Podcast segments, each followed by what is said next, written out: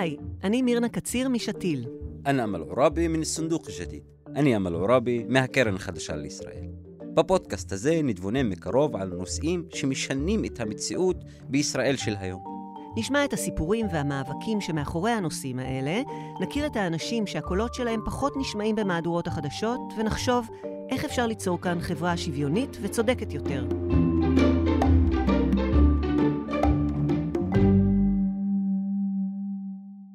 באוטובוסים, במוסדות אקדמיים, בכנסת וברחוב. בישראל של שנת 2022, הדרת נשים היא כבר לא תופעה שולית. הפרדה באוטובוסים, מסלולי לימוד לגברים בלבד, איסור על הופעות נשים מול חיילי צה"ל. אם פעם חשבנו שזו תופעה זניחה, כזאת שלא משפיעה על החיים שלנו, היום כבר אי אפשר להתעלם מהדרת נשים בישראל. בכל מגזר, בכל עיר ובכל שכונה, הדרת נשים מחלחלת לכל חלקי החברה הישראלית. איך זה קרה? שלום, אני מירנה, ובפרק הזה של הפודקאסט מה זה משנה, ננסה להבין איך הדרת נשים הפכה להיות חלק משמעותי כל כך מהיומיום שלנו בישראל. כיצד נוצרה מציאות שבה נשים ונערות מוצאות את עצמן נדחקות מחוץ למרחב הציבורי באין ספור הזדמנויות שונות, ולעיתים גם בחסות המדינה והממסד. כדי להבין את הזינוק הנוכחי בהדרת נשים, אנחנו צריכים ללכת קצת אחורה, לרגע ההקמה של מדינת ישראל כמדינה שוויונית למדי, בכל הקשור לזכויות נשים. שמי דוקטור יופי תירוש, אני חברת סגל בפקולטה למשפטים באוניברסיטת תל אביב ועמיתת מחקר במכון שלום הרטמן בירושלים. אחד מתחומי ההתמחות האקדמיים שלי הוא שוויון ואיסור אפליה. התחלתי בעשור האחרון להתעניין יותר ויותר בנושא של אה, הפרדה בין המינים וההתפשטות שלה במרחב הציבורי, כי הרגשתי שקורה פה משהו שדורש את אה, תשומת ליבנו. דוקטור תירוש מסבירה שמדינת ישראל הוקמה לאור עקרונות של שוויון מגדרי, שמעוגנים במגילת העצמאות, ומבטיחים שוויון זכויות גם על רקע מגדר. בניגוד למקובל במקומות רבים אחרים בעולם, נשים כיהנו כבר אז בתפקידים בכירים במערכת הפוליטית, וזכו לנראות ציבורית ותקשורתית גבוהה. עוד לפני קום המדינה, הכתבים הציוניים של אה, חוזי המדינה והוגיה היו די אה, שוויוניים, זאת אומרת במסגרת החזון של חברת מופת ואור לגויים, הייתה פה מחויבות מאוד מרשימה לשוויון, שגם באה לידי ביטוי מהעשורים הראשונים של המדינה. גם במישור של הדימויים והדמויות שהיו לנו, אנחנו כולנו זוכרים את אה, חנה סנש ואת גולדה מאיר, חלוצות ולוחמות. גם במישור המשפטי, אנחנו מדינה שמראשית ימיה יש לנו חוקי שוויון ופסיקה שמעגנת את השוויון בין המינים בצורה מאוד אה, מתקדמת יחסית להרבה מדינות בעולם. אצלנו למשל בכלל לא הייתה שאלה של האם לנשים תהיה זכות הצבעה. מה שבכלל לא היה מובן מאליו, זה כן הייתה שאלה בימי היישוב היהודי וניטשה על כך מלחמה, אבל הכוחות הדמוקרטיים ניצחו והדרישות של הרב קוק האב שלא תהיה זכות הצבעה לנשים בטענה שמוכרת לנו היום בהקשרים אחרים, טענה שזו תהיה פגיעה אנושה בחופש הדת ובאופי של הקהילה היהודית והמשפחה היהודית אם ייתנו לנשים לבחור. הטענה הזאת למרבה השמחה לא התקבלה. למרות זאת, מדינת ישראל מעולם לא הנהיגה שוויון מלא בין נשים לגברים. המדינה, למשל, מנעה שילוב של נשים בחלק מהתפקידים. רבים זוכרים את היחס המזלזל של ראשי המדינה והצבא לעתירה של אליס מילר בשנות ה-90 נגד הסירוב לבחון אותה לקורס טיס רק משום שהיא אישה. אולם משהו בסיסי בנוסחת החיים הישראלית החלה להיסדק בעשור האחרון, כפי שמספרת ברית יעקבי משתיל, שמנהלת את פורום הארגונים למאבק בהדרת נשים. אני חושבת שזה באמת עשור שאנחנו רואים בו עלייה מאוד גדולה בתופעות של הדרת נשים בחברה הישראלית, במרחב הציבורי, הרבה יותר משהתרגלנו, בכל המרחבים אגב, לא רק uh, במרחב החרדי, גם בחילוני או בכללי. אני חושבת שיש כמה נרטיבים או כמה תיאוריות למה גרם לזה. אחד הדברים המעניינים זה כניסת ישראל ל-OECD, הארגון לשיתוף פעולה ופיתוח אזורי, ב-2010. ברית יעקבי מסבירה שהשאיפה לשלב את האוכלוסייה החרדית באקדמיה ובשוק התעסוקה הובילה לעלייה בתופעת הדרת הנשים. בכניסה של ישראל ל-OECD היו כל מיני תנאים שונים. אחד מהם היה להגביר שילוב במשק של אוכלוסיות שכרגע לא משתלבות בצורה המיטבית בשוק העבודה. המגזר הערבי ואחד האוכלוסיות שהכי קשה לשלב בשוק העבודה זה גברים חרדים. המדינה בעצם נתנה בוסט מאוד גדול של שילוב האוכלוסיות האלה. עכשיו, אני חושבת שזה דבר מאוד מאוד חשוב וראוי, ואני מאמינה בשילוב המיטבי בשוק העבודה, אני חושבת שהוא טוב למשק ולחברה הישראלית. אבל במקביל זה הביא לשאלות שאולי לא נשאלו לפני לגבי מקומן של נשים בחברה או במרחב הציבורי. בגלל שילוב מוגבר של גברים חרדיים בציבוריות הישראלית. זו דרך אחת להסתכל על המציאות. אני חושבת שבמקביל הייתה הקצנה מאוד גדולה בכל החברה הישראלית, בלי הבנה שמחיקה של נשים יש לה השפעות הרבה יותר ארוכות טווח. ברית מדגישה עוד שגם ההתנגדות להדרת נשים היא לא התנגדות לשילוב חרדים בחברה הישראלית, והיא גם לא חלק ממאבק בין חילוניות לבין חרדיות. גם אני למדתי בבית ספר לבנות בלבד, וגם אני מתפללת בבית כנסת בעזרת אנשים שמופרד מגדרית.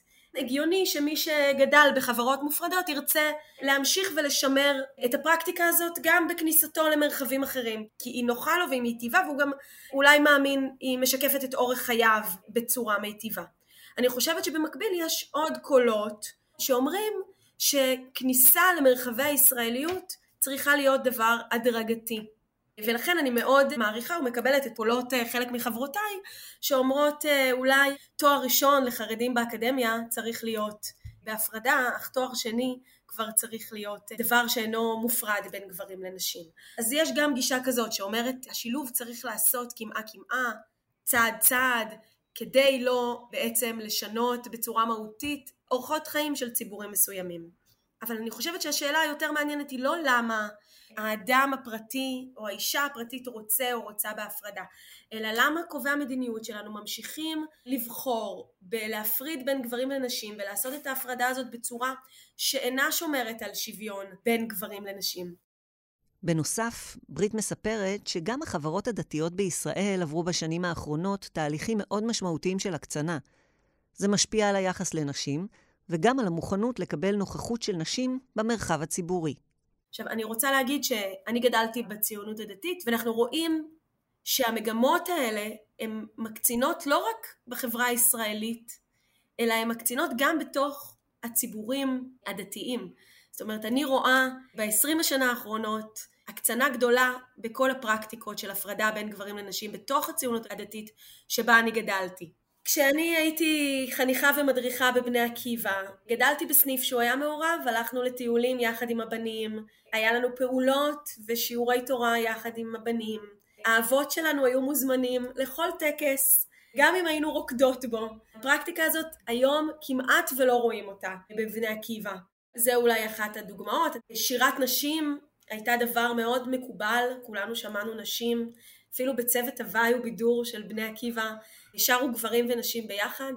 היום אנחנו נמצאים במצב שלא רק בבני עקיבא אלא אפילו בצבא חיילות לא מורשות לשיר ויותר מזה, לא מזמן שמענו גם על אישה שלא הייתה יכולה לקריין את הטקס הצבאי. כך שאנחנו רואים שהסיפור הוא לא מה קורה בתוך חברות דתיות, אלא הוא גם איך החברה הישראלית שומרת ודואגת למעמדן של נשים. לדבריה, הדרת נשים מהווה איום משמעותי על החברה הישראלית, במיוחד בגלל העובדה שהדרה תמיד גוררת אפליה והשפלה. אני חושבת קודם כל שהבעיה בחברה הישראלית היא שהחברה הישראלית לא רואה בהפרדה מגדרית ובהדרת נשים איום גדול. קל לנו מאוד להגיד זו תופעה קטנה שמטרתה להתחשב באוכלוסיות מסוימות והיא בעצם לא מסכנת את הדמוקרטיה הישראלית. אני גם אגיד למה בעיניי היא מסכנת. אבל קודם כל צריך להבין שבכל מקום שגברים ונשים מופרדים, הנפרד הוא אינו שווה. נשים תמיד, ואנחנו רואים את זה גם באירועים במרחב הציבורי, גם באוטובוסים, נשים תמיד יהיו בירכתי האוטובוס, בשוליים של האירוע, הם לא ייקחו חלק מרכזי. אם זה באקדמיה, הם לא יורשו ללמד בכיתות של גברים בלבד, בעוד גברים יורשו ללמד בכיתות שבהם נשים לומדות לבד. זה בעצם מצמצם את מקומן של נשים בחברה הישראלית. והתפיסה שלי היא שבמדינה דמוקרטית נוכחות של אישה במקום ציבורי, גם אם היא מקשה על אוכלוסיות מסוימות וציבורים מסוימים להשתלב, היא לא דבר שצריך להטיל עליו מגבלות. כי עצם הנוכחות של אישה במרחב הציבורי היא לא בעייתית. הדרה של נשים מהמרחב הציבורי היא מפחיתה מכבודן של נשים והיא משפילה אותן. הפרדה מגדרית לא מסתכמת רק בהשפלה. יופי תירוש מסבירה שהיא פוגעת בנשים, בשוויון ההזדמנויות שלהן, ובמספר המרחבים הציבוריים שנגישים להן. אנחנו יודעים שיש מתאם ישר בין רמת ההפרדה, או ההתאמה בצורת הפרדה במקום העבודה, לבין רמת השכר. ככל שאישה חרדית או גבר חרדי עובדים במקום יותר נפרד, קומה נפרדת, או חדר צוות נפרד, שהרבה פעמים חברות השמה חרדיות אומרות, תנו להם צוות אה, לעבוד רק הן בתוך עצמן, השכר שלהן יותר נמוך, הן מתקדמות פחות, והאמת היא שזה לא מפתיע. אנחנו יודעים ששילוב דורש שילוב, כשמו כן הוא, רק אז את יכולה באמת להיות חלק אורגני מהארגון ולהבין אותו וליצור שיתופי פעולה בין מחלקות ורעיונות ולזהות הזדמנויות לקידום ולהבין איך מתוגמלים פה ועל בסיס מה. קבוצה נוספת שנפגעת מההפרדה הזאת זאת קבוצה שההפרדה היא בכלל לא חלק מתפיסת עולמה והיא מרצות לא מורשות ללמד בכיתות הגברים והדבר הזה יוצר אפליה תעסוקתית, פגיעה קשה בשוויון ההזדמנויות ובכל אותם ערכים שהם באתוס הישראלי ומאוד מאוד מושרשים בשיטת המשפט הישראלית. דוקטור תירוש מוחה נגד קיום של אירועים ציבוריים בהפרדה בין נשים לבין גברים. היא מסבירה שאפליה על רקע מגדרי לא רלוונטי היא לא לגיטימית. יש גם יותר ויותר קולות גם מתוך החברה החרדית וגם מתוך הציבור הליברלי, שאומרים זה לא רק עניין של יעילות, אנחנו צריכים לקבל את הרעיון של הפרדה בין המינים בהקשרים אחרים כעניין של סובלנות לתרבויות אחרות, רעיונות של רב תרבותיות שהם רעיונות מאוד מאוד יפים בבסיסם, אבל האופן שבו מיושמים אה, בישראל הוא מעט בעייתי. למשל, רשות ציבורית שמתקצבת אירוע, נגיד יריד למכירת ספרי אה, יהדות, תלמוד וכולי, אומרת, וזה מקרה שהיה באמת, מול עיריית ירושלים, האירוע הזה, הכניסה אליו היא לגברים בלבד. עירייה לא יכולה להפלות בין אנשים על בסיס לא רלוונטי, מתוך איזו הנחה שלנשים אין עניין או אין יכולת או אין לגיטימציה להתעניין ולקרוא ספרי חוכמה יהודית. דוקטור תירוש מספרת שבמקרים מסוימים הדרת נשים מתבצעת דווקא מצד גורמים חילוניים, לכאורה לבקשת האוכלוסייה החרדית. והיא הולכת רחוק הרבה יותר מהמוסכמות של החברה החרדית. זה מעין תיקון יתר שנובע מבורות או משאיפה לרב תרבותיות, אבל בפועל זה רק מחריף את הבעיה. מקרים כמו מפקד חילוני בצבא, שיוזם הפרדה בין חיילות וחיילים בהופעה, מבלי שהתבקש לעשות זאת, או מתכנני ערים שכופים כניסות נפרדות בשכונות חרדיות, למרות שאין דרישה כזאת מצד התושבים. מה שאני רואה שקורה מהדבר הזה, זה לא עוצר איפה שנשים חרדיות היו רוצות שזה יעצור. ואני מבינה למה זה לא עוצר, זה לא עוצר, כי אי אפשר לעצור את זה ברגע שזה כבר מתקבע בתור איזה סובלנות אה, מתבקשת. לדוגמה, משרד השיכון הוציא לפני שנה וחצי מדריך למתכנני שכונות וערים חרדיות, ובמדריך הזה כתוב, מתוך רצון להתאים תרבותית ולהתחשב וכולי, כתובות המלצות שנשים חרדיות שקראו אותן, אוזניהן סמרו מרוב עצבים. כי כתוב שם, למשל, כשבונים מתנ"ס, אז צריך שהכניסות יהיו נפרדות, גברים ייכנסו מצד אחד ונשים ייכנסו מצד שני. וזה לא המצב היום בעולם החרדי. או כתוב שם שמרכזי התעסוקה יהיו ממוקמים ככה שהם יאפשרו להמשיך את הטאבו על נהיגת נשים בציבור החרדי, כי נשים לא נוהגות בציבור החרדי. ונשים חרדיות אומרות, רגע, רגע, רגע, זה לא התחשבות שאנחנו רוצות. אנחנו כן רוצות לנהוג, אנחנו כן נוהגות. דוקטור תירוש מספרת על עוד תופעה שמבטאת הדרת נשים מהמרחב הציבורי, תופעה שהרשויות פשוט לא מטפלות בה. במרחב הוויזואלי, במרחב הציבורי, אז אנחנו מכירים תופעות של השחתת אה, פני נשים משלטי חוצות או משלטים על אה, אוטובוסים. ואפשר להגיד, וזה כנראה גם נכון, שמדובר במעשים שלא מאפיינים את האתוס של החברה החרדית בכלל, אלא הם נעשים על ידי אה, קיצוניים במיוחד.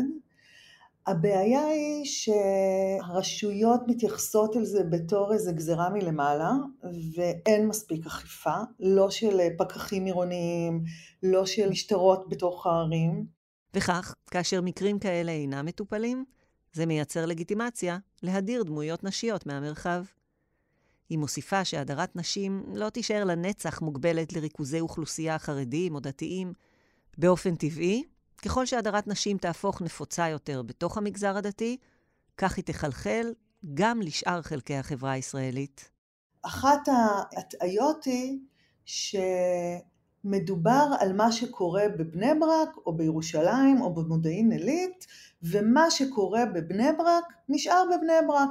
האמירה היא, חיי ותתני לחיות. למה זה צריך לעניין אותי, החילוני, שבחיים שלו לא מעוניין לקיים uh, הפרדות. כל עוד אני יכול להיות סבלני, אז אני אהיה סבלני. וזה המקום שבו אנחנו צריכים להבין שלהפרדות האלה יש אה, אפקט אדווה. אנחנו לא מדברים על דברים שקורים בבני ברק. גם אני, כשאני אבוא לבני ברק, ואני לפעמים מגיעה לבני ברק, אני לא מתלבשת עם גופיית ספגטי. אבל כשאנחנו מדברים על אה, נערה בת 13, כמו שהתבשרנו בעת האחרונה, שנהג אוטובוס בבנימינה, לא אזור חרדי, באוטובוס בין בנימינה לבין גבעת עדה, הנערה רוצה לעלות על האוטובוס והוא אומר לה, את לא עולה כי את בגופייה, שימי על עצמך משהו, אין לה משהו לשים על עצמה, והוא מודיע לה גם שאיך שהיא נראית זאת הטרדה מינית, כן? הוא מרגיש מוטרד מהמיניות שלה. זו דוגמה מאוד מאוד חזקה בשביל להראות שברגע שאנחנו מגלים את הסובלנות הזאת להתייחסות לנשים בתור מי שצריכות להתחשב, נגיד לזוז באוטובוס, במטוס, אם יש אדם חרדי שלא רוצה לשבת בסמיכות לאישה, חמור מזה, לזוז בכנסת. היו לנו כמה מקרים בשנים האחרונות שהכנסת נענתה לבקשות של חברי כנסת חרדים להזיז נשים כך שהם לא ישבו לידם, או שהם לא ישבו בהשבעה של הכנסת האחרונה, שלא ישבו בין שתי נשים, כי הרמב"ם אוסר על זה, וזה למרות שהיה קורונה, אז היה רווח של כיסא ריק. אנחנו מבינים שיש פה הפיכה של נשים להפרעה בסדר, למה שאני קוראת לו פיגוע צניעות פוטנציאלי. ברקע המאבק על התפשטות הדרת נשים במרחב הציבורי הכללי, מתקיים בשנים האחרונות מאבק אחר, מקביל, בתוך החברה החרדית. אני אסתי שושן, חרדית, פמיניסטית, אקטיביסטית, מייסדת ומנכ"לית תנועת נבחרות, תנועת נשים חרדיות למען ייצוג, שוויון וקול. אני פבליציסטית, יוצרת קולנוע ואומנית. שושן מהווה קול שלא נשמע הרבה בחברה הישראלית, קול של פמיניזם חרדי. היא מובילה מחאה למען שילוב נשים במפלגות החרדיות וברשימות החרדיות לכנסת. היא מספרת שהחוויה של הדרת נשים מלווה אותה כבר מילדות. הדרת נשים זה משהו שממש גדלתי לתוכו. הדרת ילדות, הדרת אה, נערות, הדרת נשים. בעולם החרדי התפקידים המגדריים מאוד מאוד אה, מוסדרים וברורים. אני חושבת שהפעמים הראשונות שאני מבחינה בתופעה זה בתור ילדה, במשפחה ברוכת ילדים, ויושבים בשולחן שבת, והבנות מגישות ומפנות, והבנים אה, יושבים ומפטפטים ואומרים דברי תורה ומפצחים פיצוחים. אבא שלי אמנם היה תמיד מאוד אה, מעורב ומאוד אה, מחויב ומאוד לקח חלק בניהול של הבית ביחד עם אמא שלי. אבל הבנים משום מה הרגישו שזה לא קשור אליהם. ולא היה שום דרך לשכנע אותם אחרת. כי הם פשוט יכולים. זו הפעם הראשונה, אני זוכרת שזה מעורר בי התקוממות.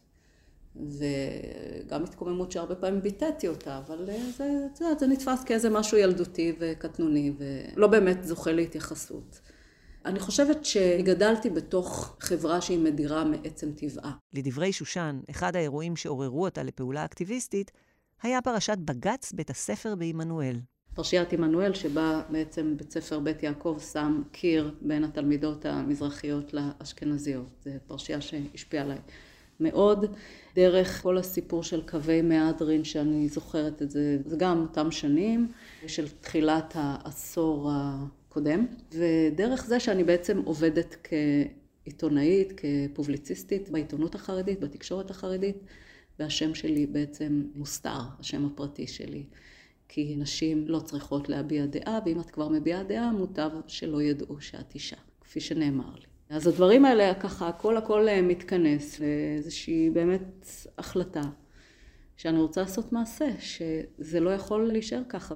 כל אותם תהליכים פנימיים הביאו את אסתי להתחיל לפעול נגד הסטטוס קוו. הסתכלתי מסביב, אמרתי, רגע, אנחנו הולכים עוד פעם לבחירות, ומה המשמעות שלי כאישה חרדית?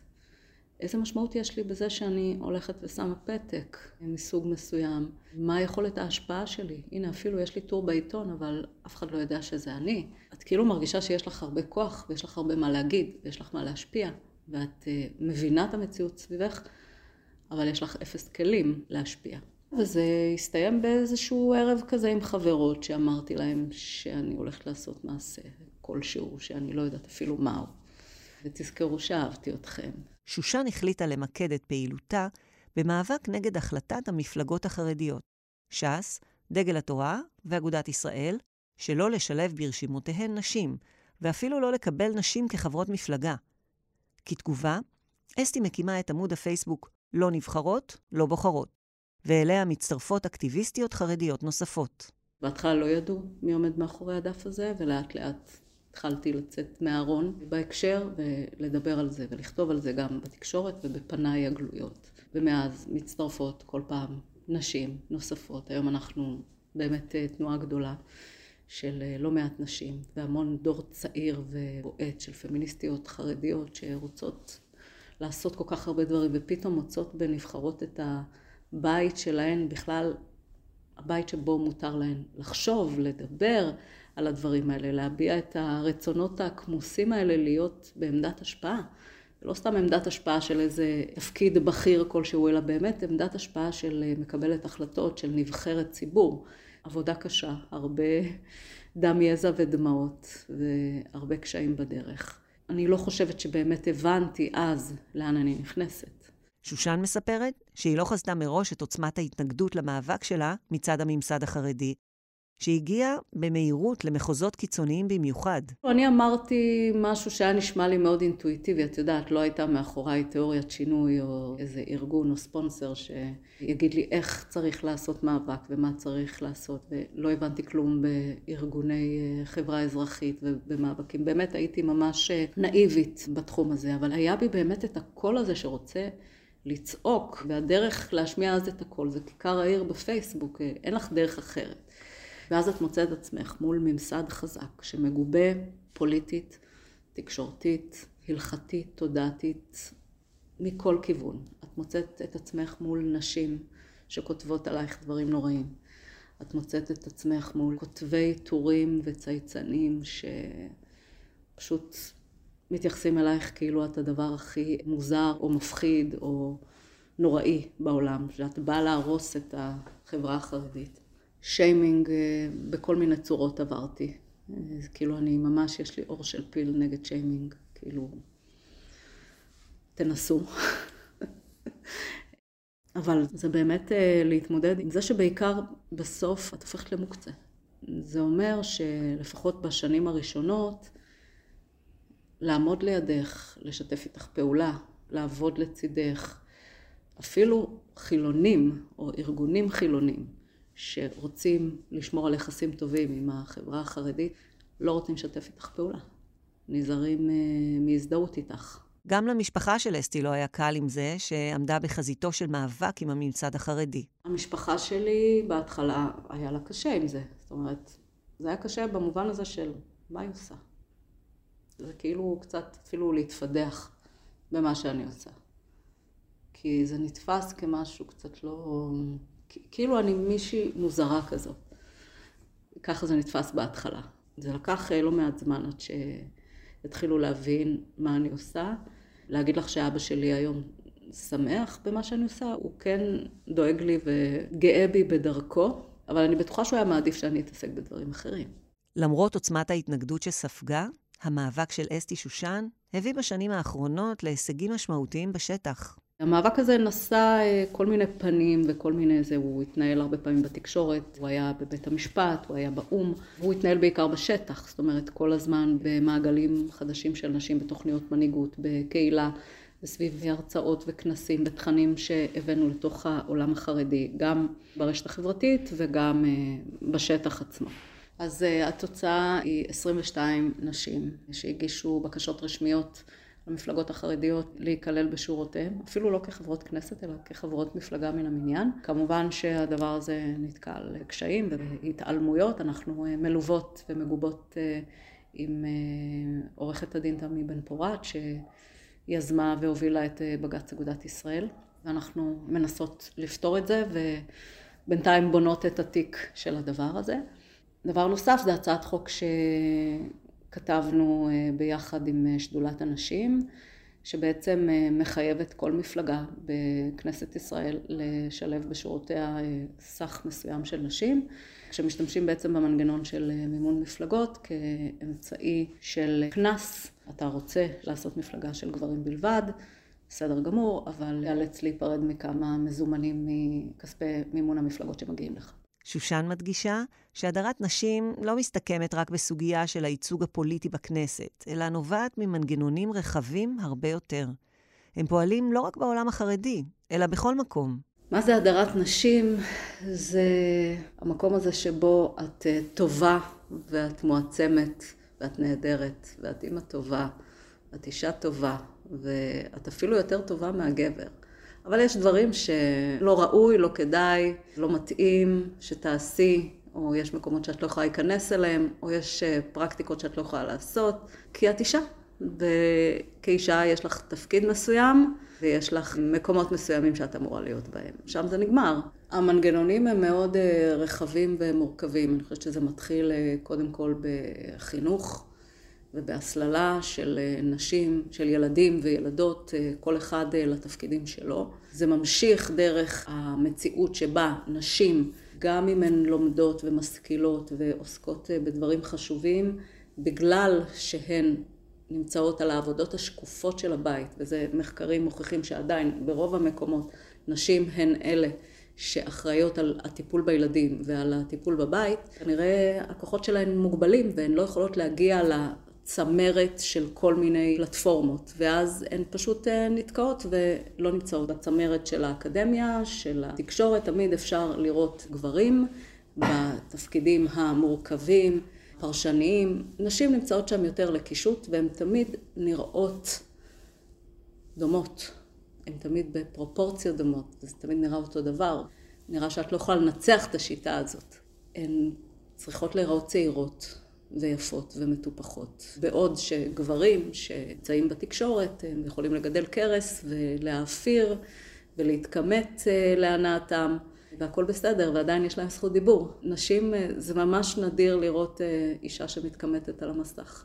כשהיא נשאלת על ההפרדה בין נשים וגברים במסלולי הלימוד החרדיים באקדמיה, שושן טוענת שאין אפשרות לשלב סטודנטים חרדים במוסדות לימוד אקדמיים, בלי התאמה של סביבת הלימודים. הסטודנט או הסטודנטית החרדית מתמודדים עם פערים מאוד מאוד גדולים שהם צריכים להשלים.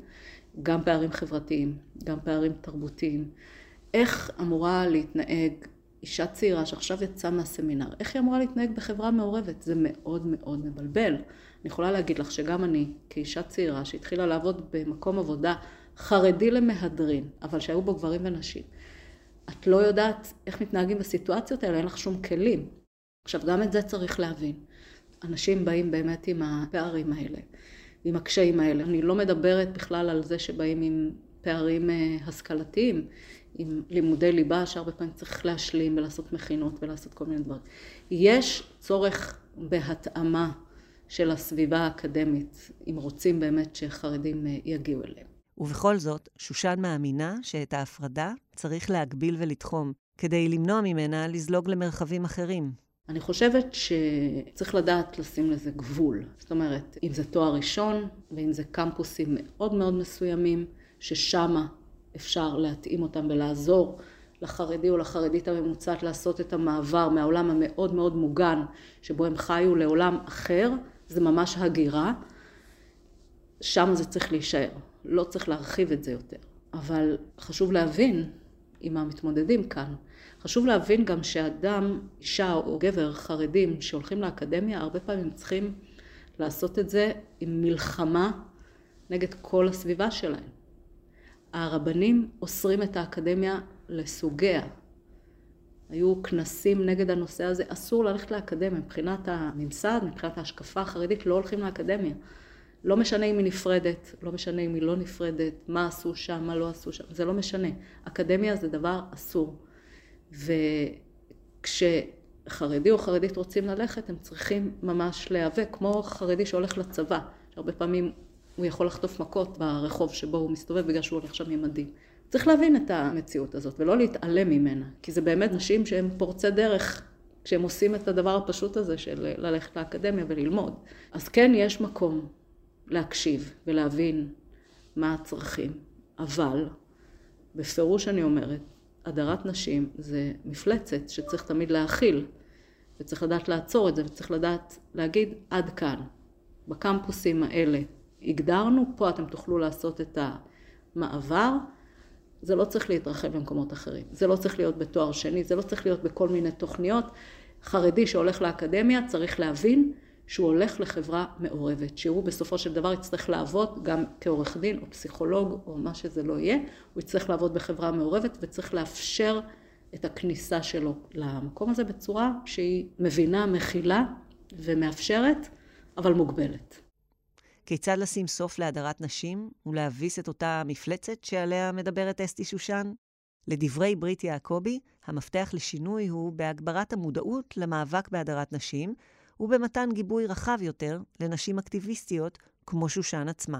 נקודת המבט החילונית היא נקודת מבט שרואה את הציבור החרדי כמי שכדי אה, להיכנס לחברה הישראלית צריך לוותר בעצם על שוויון מגדרי ולא להבין שהמאבק מתקיים בכל חברה, הוא מתקיים בתוך החברה החרדית, הוא מתקיים בתוך הציונות הדתית, הוא מתקיים בתוך החברה הערבית, הוא מתקיים בתוך החברה הכללית בישראל, הוא מתקיים בין ציבור שמרני ובין ציבור יותר ליברלי, ובעצם זה שהציבור החילוני לא מחזק נשים מנהיגות מכל הקהילות שנאבקות בהדרת נשים בתוך החברה שלהן, ובעצם נותן להם מסר כפול, ואומר להם אתם לא מספיק חרדיות אם אתן נאבקות כנגד הדרת נשים בחברה החרדית, אני חושבת שזה בעצם שיתוף פעולה עם הפרקטיקה שמבקשת לשמור נשים על אש קטנה, לא לראות בהן חלק מהציבוריות הישראלית.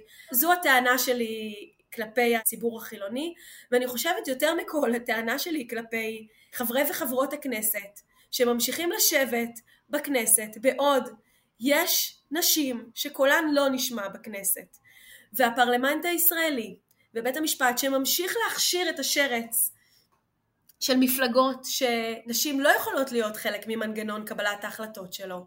בעצם ממשיך להגיד כל עוד זה בחברה אחרת, זה לא מספיק משמעותי לי, not in my backyard, אצלנו זה בסדר, וזו תפיסה שאני לא מוכנה לקבל, זאת אומרת התפיסה שלי היא שצריך להיאבק על כל החברה הישראלית בכללותה ולא לייצר אוטונומיות. המאבק של נשים חרדיות להיכנס לכנסת הוא גם המאבק שלי. ברית מוסיפה שהמאבק בהדרת נשים חייב להיות מתמיד ובלתי פוסק. ושהציבור הליברלי חייב להישאר תמיד על המשמר כדי למנוע התפשטות של תופעות של הדרת נשים. ואולי יהיה הציפייה שלי מהחברה הישראלית, שכל הזמן ישאלו איפה אנשים בפאנלים, בייצוג בכנסת, בגלגלצ, בצבא, בכותל, כל הזמן ישאלו איפה נשים, ושיבינו שחברה שיש בה שילוב בין גברים לנשים, היא חברה שהיא טובה לא רק לנשים, חברה שהיא טובה בכלל. ושזה לא בא על חשבון אף ציבור.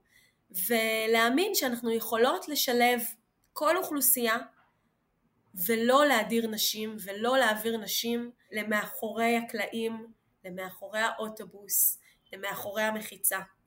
ולהתעקש על זה, זה לא יהיה פשוט, אבל uh, להתעקש על זה.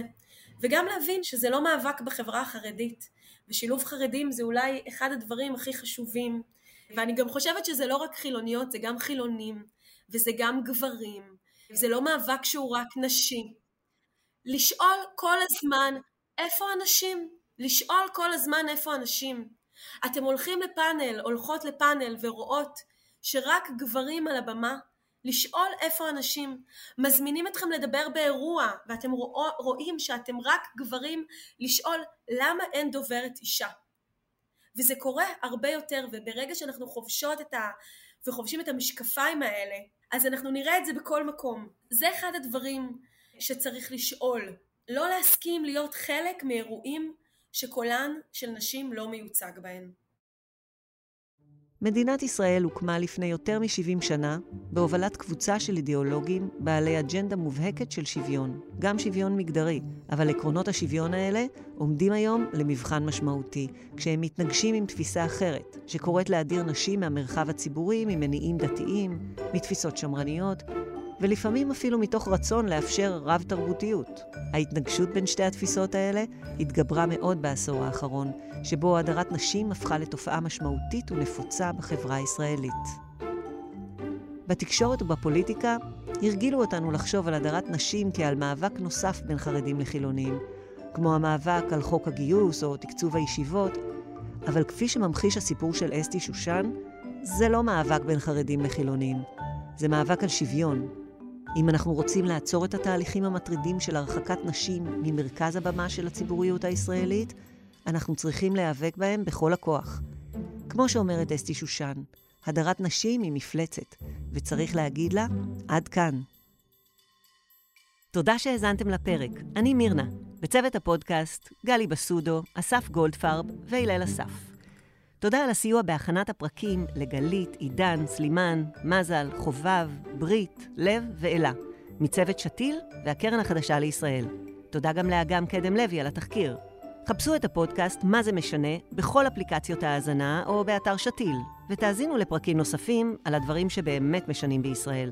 וכמובן, תעקבו אחרינו ברשתות החברתיות, תירשמו לניוזלטר שלנו כדי לקבל עדכונים על מה שקורה בעולם השינוי החברתי. ואם אתם בעצמכם אקטיביסטים או מעוניינים לחולל שינוי, תקבלו אצלנו בבלוג אין סוף כלים וידע הכי רלוונטיים והכי עדכניים שיש. נשתמע.